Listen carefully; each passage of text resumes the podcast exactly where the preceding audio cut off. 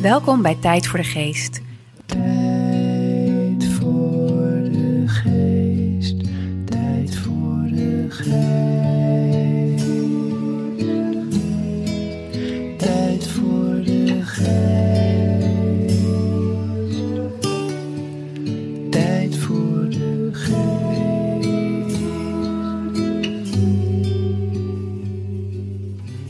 Podcastserie van Museum van de Geest en Flow Magazine.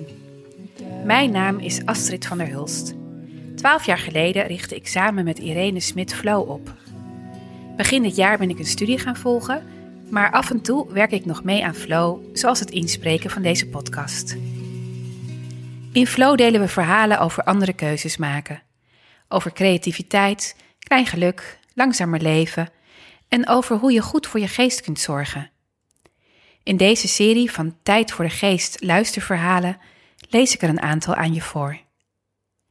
Dit verhaal heet Openheid voor je gemoed en is geschreven door Caroline Buis. Zij hoopt dat we allemaal wat makkelijker over onze gevoelens gaan praten. Ook als het niet goed gaat. Of als je sombere gedachten hebt bijvoorbeeld.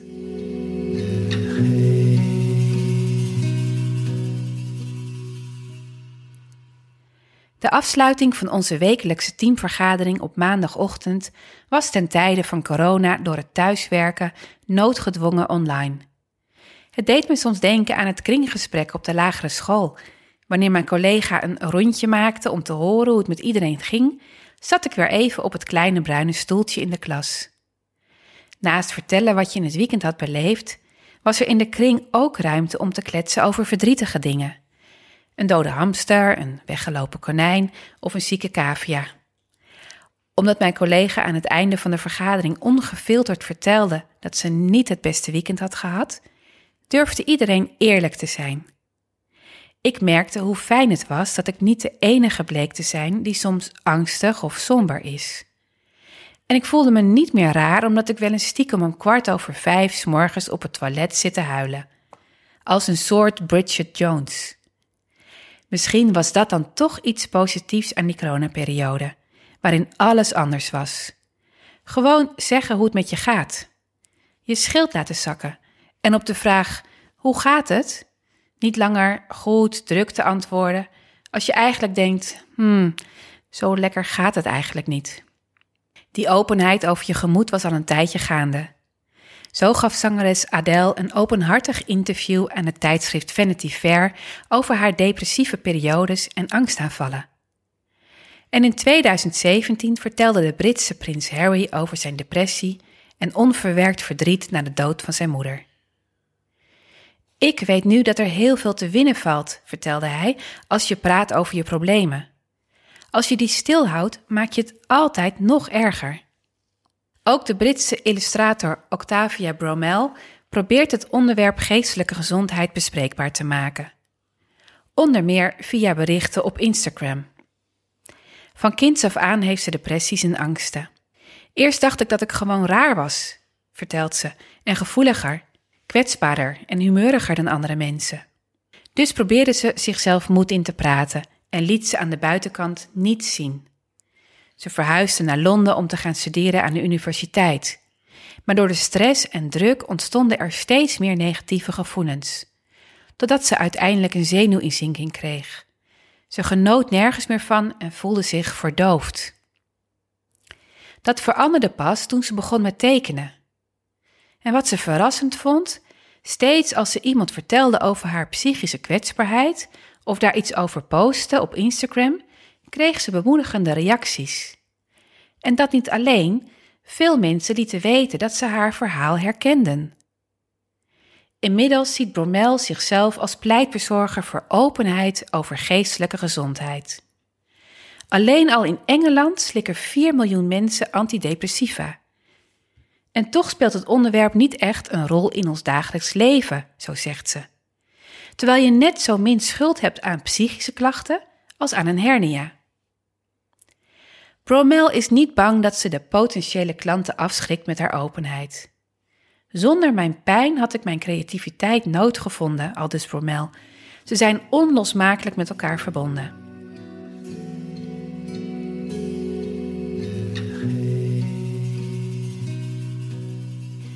Toch durft lang niet iedereen zijn kwetsbaarheid te tonen, vertelt psychiater Jeroen Kloet aan de telefoon. Hij heeft zelf een bipolaire stoornis die gepaard gaat met depressie en forse angsten. Het kan ook gevaar opleveren, zegt Jeroen, als je je kwetsbaarheid laat zien. Mensen kunnen je raken. Maar op het moment dat je het niet doet, betaal je daar vaak een prijs voor. Vergelijk het met een vulkaan. Aan de buitenkant lijkt er niets aan de hand, maar van binnen zit een enorme spanning. Bij mensen vaak in de vorm van angst of boosheid, verdriet. En zo bouw je druk op. En als je daar nooit iets mee doet en je kwetsbaarheid dus nooit laat zien, dan knalt het er op een gegeven moment uit. En dat is een onnatuurlijke manier van omgaan met je binnenwereld. Je hebt het nodig om je emoties met anderen te delen. Maar in een samenleving waarin alles snel gaat en waarin het credo is dat het leven maakbaar is, is dat lastig.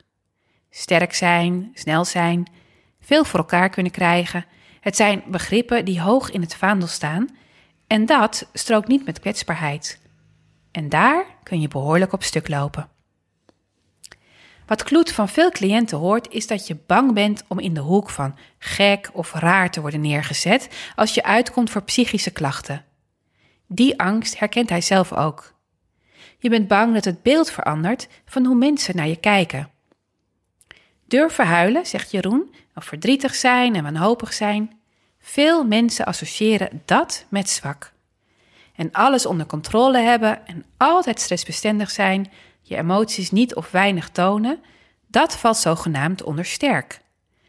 Maar het gros van de mensen is helemaal niet stressbestendig. Heeft niet alles onder controle.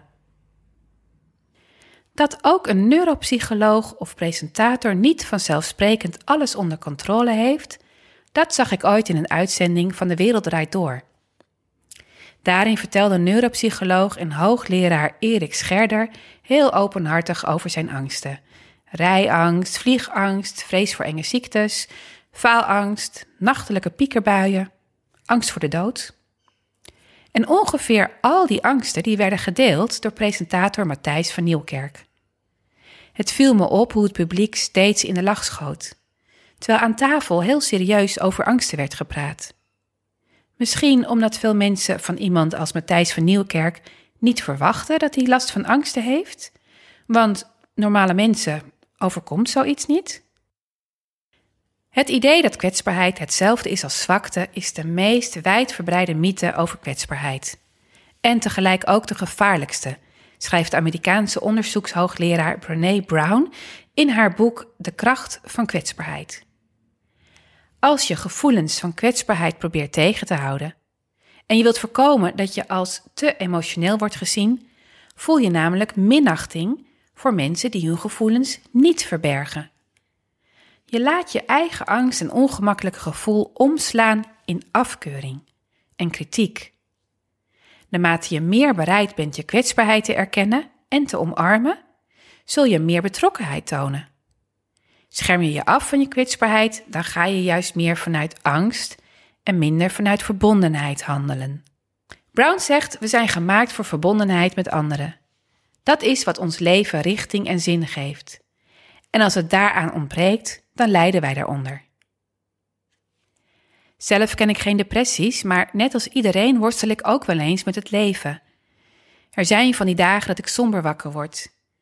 Dan accepteer ik dat er dagen zijn die weggegooid zijn, de moeite niet waard. Die gaan voorbij en er komen weer nieuwe. Precies zoals schrijver, filosoof en beeldend kunstenaar Eva Meijer het zo mooi beschrijft in haar boek De grenzen van mijn taal. Mijn computerscherm hangt vol briefjes met opbeurende boodschappen. En ik heb een schrift waarin ik complimenten opschrijf.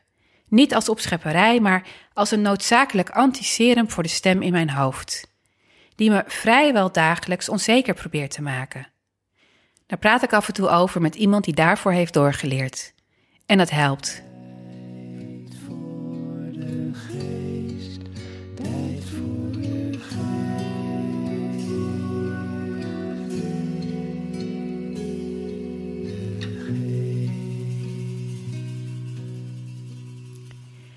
Doordat er meer openheid is over psychische kwetsbaarheid, moet ik vaak terugdenken aan een vriendin die aan het einde van mijn studietijd flink depressief was. Meer dan twintig jaar geleden. En daar praten we destijds nauwelijks over. Dat was toch een beetje taboe. Achteraf denk ik dat ik er te weinig voor haar ben geweest. Omdat het contact steeds van mijn kant moest komen, gaf ik het op een gegeven moment op. Ik realiseerde me niet dat geen contact kunnen maken vaak juist een onderdeel is van depressie. Misschien had het geholpen als ik toen beter had geweten wat een depressie precies inhield. En als mijn vriendin er open over had durven praten. En ik had durven vragen hoe dat dan voelt, een depressie. Of als het eerder genoemde boek van Eva Meijer, die sinds haar tienerjaren depressies heeft, toen al was geschreven. Als je depressief wordt, schrijft Eva, dan ben je niet meer te porren voor wat je graag doet. Je hebt geen zin meer om naar buiten te gaan en activiteiten te ondernemen. En de relaties met degenen die je nabij zijn, die worden niet alleen lastig te onderhouden, het maakt ook niet meer uit of je ze onderhoudt. Soms gaat dat geleidelijk en soms in één keer.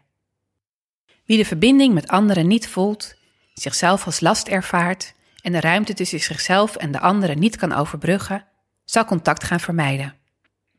Het mooie is dat schaamte er niet toe doet als je je verhaal kunt vertellen aan iemand die empathie en begrip toont. Brené Brown schrijft: Schaamte wint aan kracht als we onze mond dicht houden. Daarom is schaamte vooral dol op perfectionisten, want het is zo makkelijk om ons de mond te snoeren.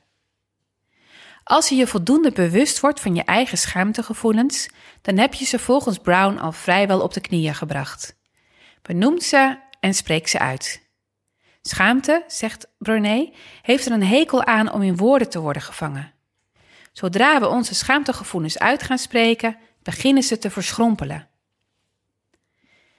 Psychiater Jeroen Kloet organiseerde in samenwerking met Samen Sterk Zonder Stigma een aantal jaren het Anti-Stigma Café.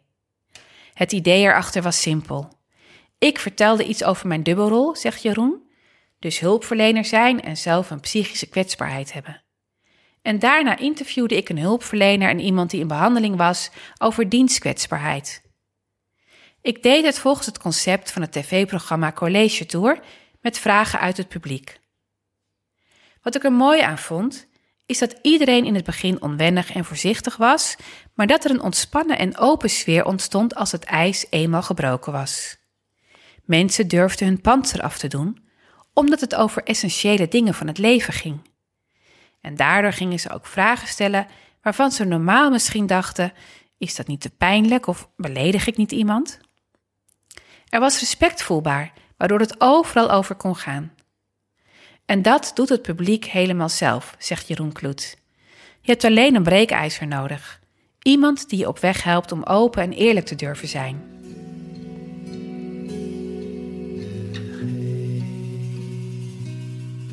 Hoe had ik mijn depressieve vriendin destijds beter kunnen helpen? Er voor iemand zijn en blijven is het belangrijkste wat je kunt bieden, zegt Jeroen Kloet. Ook al weet je misschien niet zoveel te zeggen, mensen vinden het toch heel fijn als er iemand voor ze is. Dat wordt enorm onderschat, aldus Jeroen. Vaak heb je het idee dat je van alles moet doen om te helpen, zoals voortdurend koffie af en aanbrengen. Maar even naast iemand gaan zitten is veel belangrijker. Een ander advies is: probeer niet te oordelen. Kloet zegt daarover: Als je zelf nooit in windkracht 12 hebt rondgelopen en alleen windkracht 6 als maximum kent, dan weet je niet hoe het is. En dat is oké, je kunt het ook niet weten, want je bent er nooit geweest. Maar ga dan niet oordelen over degene die wel in die orkaan zitten. En dat gebeurt best snel. In windkracht 6 heb je misschien bedacht: oké, dit is best even pittig, maar kom op joh, gewoon opstaan. Even goed doorlopen en dan ben je er doorheen voordat je het weet. Maar iemand in windkracht 12 kan helemaal niet lopen en moet gaan liggen totdat het ergste voorbij is.